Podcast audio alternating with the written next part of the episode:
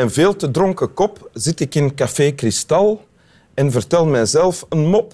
Maar helaas, ik ken ze al. Alsjeblieft. En dank u wel, Johannes Sebastian Stuur, de grote Vlaamse volksdichter die nog veel te onbekend is, schrijver van dit prachtige gedicht. Welkom in Winteruur namens Swami Bami, uh, de neef van Boris, die hopelijk gaat blijven liggen. Nee. Nee. Dan wend ik maar, mij maar tot het andere witte geval dat hier naast mij zit. Zeg, witte geval. U hebt toch een mooie witte jas aan. Uh, Paula Semer, welkom in Winteruur. Dank u wel. Paula Semer, u bent een pionier van het uh, Vlaamse radio- en tv-wezen. U was erbij, u was een van de eerste die op de radio te horen was toen de oorlog hier in België afgelopen was. Ja, in 1944. In 1944. Uh, u was toen 19 jaar. Ja. En dan een kleine tien jaar later was u ook bij de allereerste tv-uitzending van het NIR, ja. de toenmalige VRT. Was u ook al te zien als actrice? Ja. En u bent actrice, eh, presentator, uh, producer gebleven bij radio en tv Ja. jarenlang. En u was ook eigenlijk een van de eerste BV's, denk ik. Ja, wij waren allemaal... Als je je neus op het scherm liet zien, was je een BV. Ja. U was BV in de tijd dat er nog maar een twintigtal BV's waren, ja, denk ik. ja. ja. dat is enorm. Het Ja. ging soms op het hysterische af. Is het waar? Ja. Blij dat dat voorbij is? Ja. Ja. en u hebt een tekst meegebracht. Ja. Eh, ja. Wil je die voorlezen, alsjeblieft? Ja. Postuum René. Misschien hebben we jou toch niet goed gekend, after all, René. Nu is het te laat. Je bent er niet meer. Je had het over gender voor dat woord bestond. En je hamerde erop door, tot niemand nog luisterde. Misschien merkte je het niet eens, maar je beet door.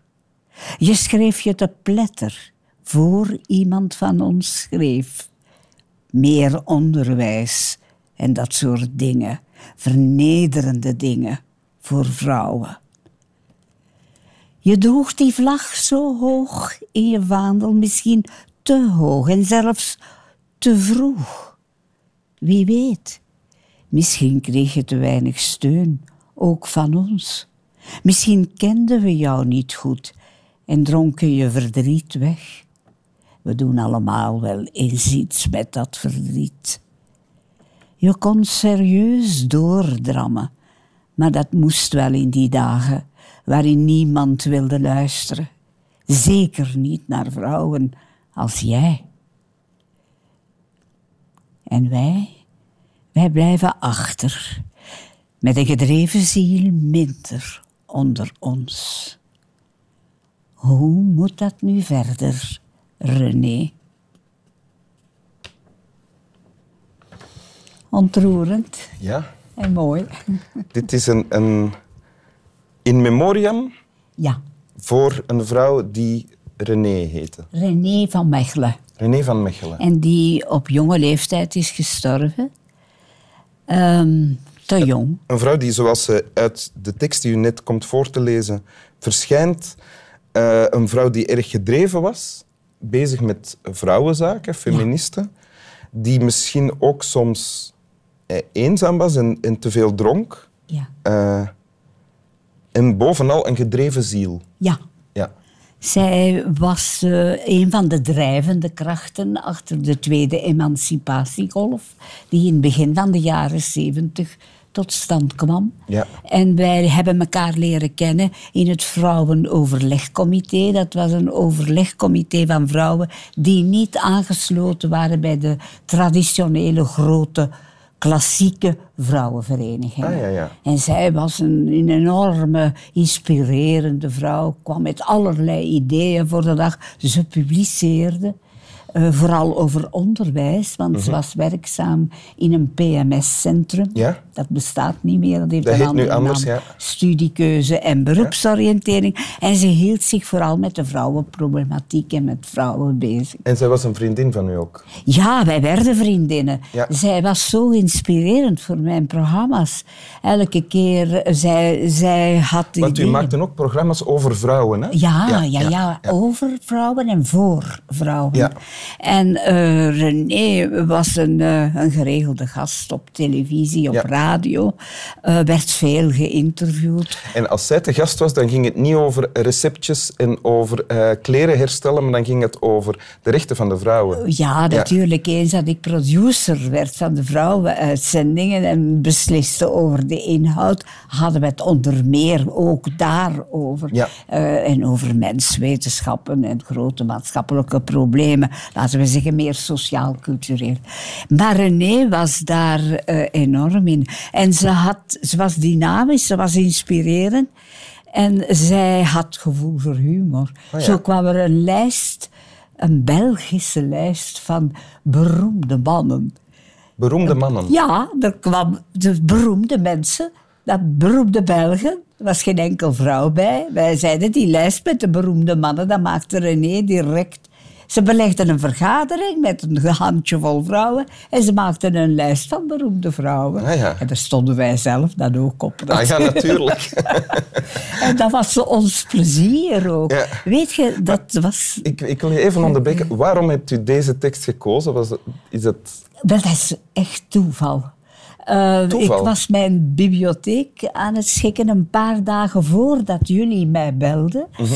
En eh, daar viel uit het boek, het laatste boek van René, de meerderheid, de minderheid, Dit boek, hè? viel die tekst. Ah, En ik bekeek die en ik dacht, oh god, wat is die mooi.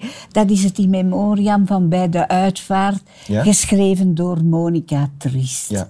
En ik heb dus hem een paar dagen voor u gebeld werd voor Winteruur, viel die tekst ja, uit het boek. En toen belden jullie. Ja? En toen kon ik aan de telefoon zeggen, maar ik heb al een tekst. Want waarom was u zo zeker? Waarom was u zo... Oh, ik vind, vond hem zo mooi. Ja? En ehm, ik vind het ook zo een, eh, een herinnering aan zoveel uit het verleden.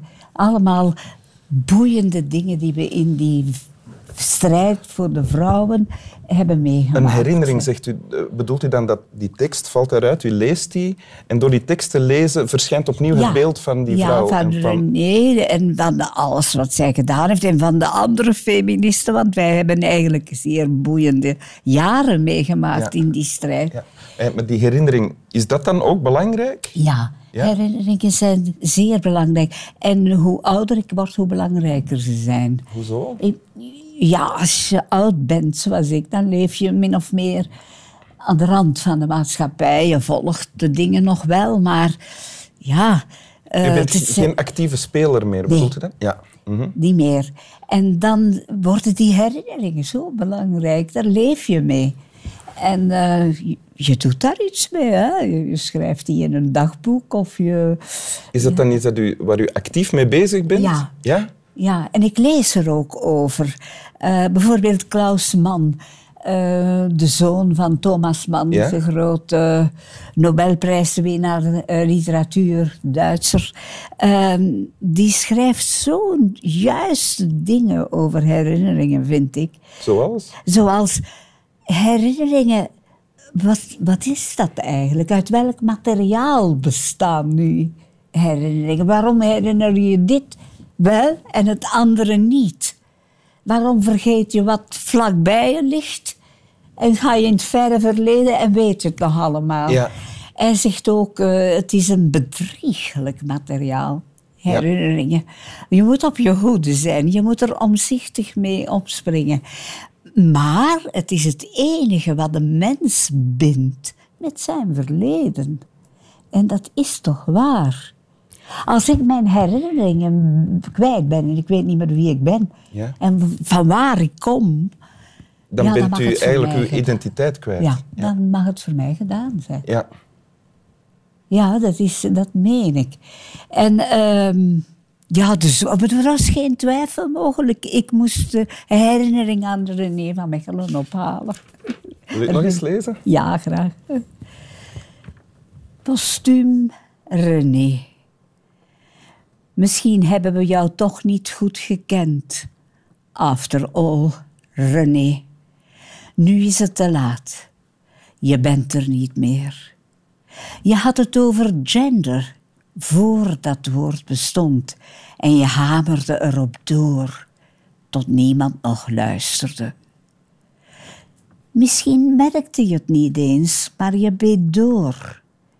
Je schreef je te pletter voor iemand van ons schreef. Meer onderwijs en dat soort dingen, vernederende dingen voor vrouwen. Je droeg die vlag zo hoog in je vaandel, misschien te hoog zelfs, of te vroeg. Wie weet. Misschien kreeg je te weinig steun, ook van ons. Misschien kende je jou niet goed en dronk je je verdriet weg. We doen allemaal wel iets met dat verdriet. Je kon serieus doordrammen. Maar dat moest wel in die dagen waarin niemand wilde luisteren, zeker niet naar vrouwen als jij. En wij, wij blijven achter, met een gedreven ziel minder onder ons. Hoe moet dat nu verder, René?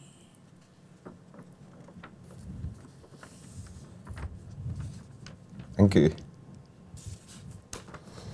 Slap wel. Pits. Jij ook slapen, hè? Dank je. Dat Ja. was een rustig Je ook, slap wel, ja.